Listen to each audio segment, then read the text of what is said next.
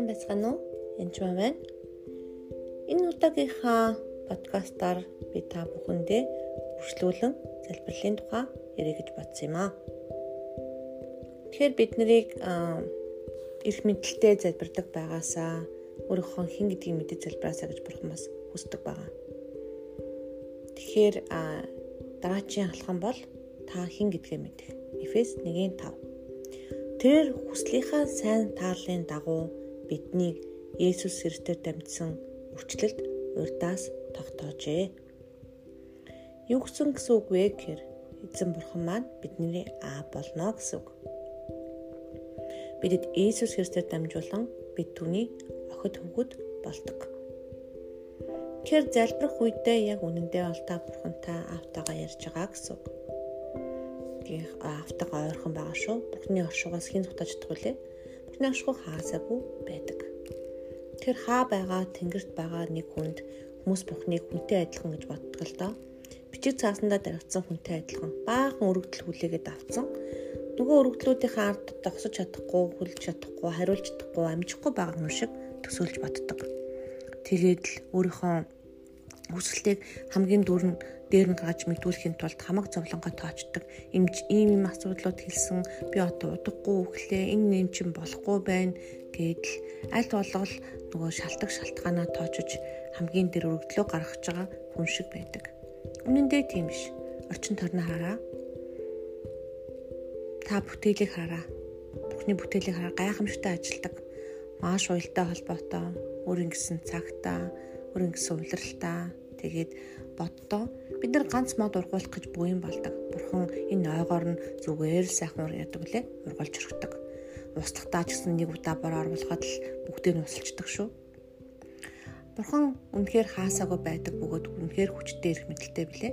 Тэр зүгээр нэг бичиг цаасандаа дарагдсан ширний хаар сууж байгаа нэг хүн шиг биш. Тэр хаасаагүй байж бас хамт ажиллаж, хамт бас сууж, бүгдийг хянаж, бүгдийг ирэх мэдлэлтэй байлгадаг. Бүгдийг мэддэг бурхан бидний зөвхөн гуйлтыг биш бүр үсний ширхгийг мэддэг бурхан. Гуйгаас мөн мөн юрэгтэйг мэддэг бурхан. Ялангуяа шин төрсөн саяхан итгэж болсон хүмүүс минь боддоо хүүхд төрсөн дөнгөж. Аав ээж нь яадаг лээ хүүхдтэйгээ юу хэрэгцээтэйг мэддэг. Аль болох тэжээж өсөх гэж хоолыг мэддэг нойрыг мэддэг ойлгохт нь юу нас болж болж байгааг нь мэддэг. Өвдөж уйлсан уу үнэхээр гидсэн дүрсэн үү өсөж уйлсан уу аман цангасан уу эсвэл чихэн өвдсөн үү гэдгийг аяндаа ямар нэг байдлаар мэдчил байдаг.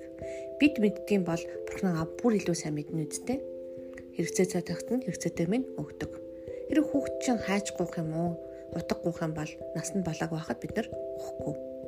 Хэрэгцээтэй болохоор нүгэн. Мөн түнчлэн бид тэр хүүхдийг дөнгөж нэг хоёр настай ахт нь хоолоо хийгээд ид гадаа гарч ажиллаж хийдэг хэлдэггүй. Бурхан бас бидний өсөх хугацааг хүлээж байдаг. Түүнчлэн дараачийн хамгийн чухал мэдэх ёстой юм бол түүний хайрыг мэдэх. Үнэхээр бурхан танд ямар их хайртайг мэдэх тохиолдолд та э, аим маш гуйлагчин байдалтай ч юм уу сандарсан твцсэн байхаасаа илүү аав дээрээ очиод охин нь хүүгүүд нь очиод аваа надад ийм асуудал болж байна. Энэ асуудал та тусалж өгөөч. Эсвэл яаж энийг хамт хийх юм бэ? Иесус Христосийн шарахаар идгэрсэн гэж хэлээд байгаа мөртлөө би өвчтөө хിവэрэ байна. Энэ нь юу сатаа болж байна? Үл уучлал уу эсвэл гин чөтгөрийн хөөх үү эсвэл би яг яах ёстой юм бэ та хэлж өгөөч гэд очих ёстой гэсэн. Эсвэл бид ийм юм проблем болж байна. Яг энэ мөнгө санхүүгийн асуудал тулгарсан байна. Охинтой мэрэгүү ухаан харьлаач. Эсвэл мөнгө санхүүгаар хангаж өгөөч.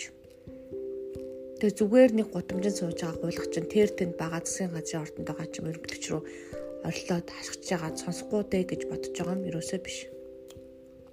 Бурхан үргэлж чиний хажууд байдаг шүү. Би чамаа хизээж хорохгүй гэж хэлсэн. Тэр Ром 8:38-аас 39-ийг хэлээ.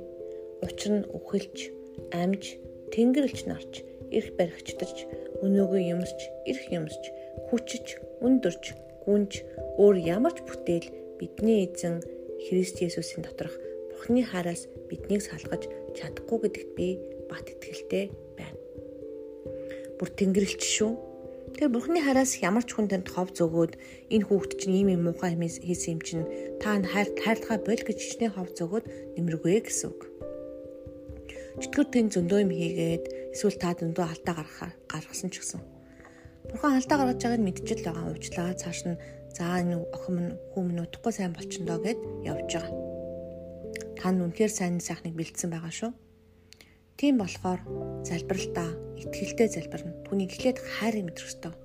Бурхны хайрын тухай ишлэгийг та баг түүж уншаад барахгүй байгаа баг. Гэтэ боломжоор нэг би зөвхөн хайртай холбоотой ишлэгийг өдөр болгон уншаад нэг сар гаруй 2 сар уншсан шүү. Өдөр болгон өөр ишлэл заримдаа нэлээд олон хайртай холбоотой ишлэл түүж уншаад. Тэг зөвхөн хайртай холбоотой ишлэгийг бас хүүхдүүдэд би заасан. Та нарын юу ч хийсэн бидний хэн байхаас үл хамааран бурхан таны бурхан биднэрт хайрлахаар ерөөс хизээж өөрчлөгддөггүй гэж. Бурхан танд үнэхээр хайртай учраас цорын ганц үгээ бидэнд илгээсэн. Тийм болохоор таны залбирлыг бас сонсно. Тэгээд тантай хамт бас хэрэгжүүлнэ. Бүр өөрөө хэрэгжүүлж өгнө шүү. Тийм болохоор залбирахтаа өөртөө ихтгэлтэйгээс гадна хамгийн гол нь бурханд ихтгэлтэй, бурхан итгэмжтэй. Тэгээд бурхан та бурхан танд үнэхээр хайртай гэдгийг мэдсийн дараа залбирлахад та зүгээр л энгийн гуйх болно. Орилоод, оршигчаад, чанга дуурснараа залбирал хүчтэй байдаг юм биш. Харин эрх мэдлээ мэдэж, Бурхны хайрыг, Иесусийн нэрийг мэдхээр эрх мэдэлтэй байдаг. Тэгээд залбирсан залбирал болгон ч хариултаа гэдэгт итгэн. Тийм үгүй хүлээж бай. А гэхдээ ихэнхдээ л ихэнх залбирал төр ер нь тийм мэддэг хариултыг авдаг байх болно доо. Амжилт хүсье танд. Үнэхээр бурхан танд үнэхээр хайртай шүү. Баярлалаа.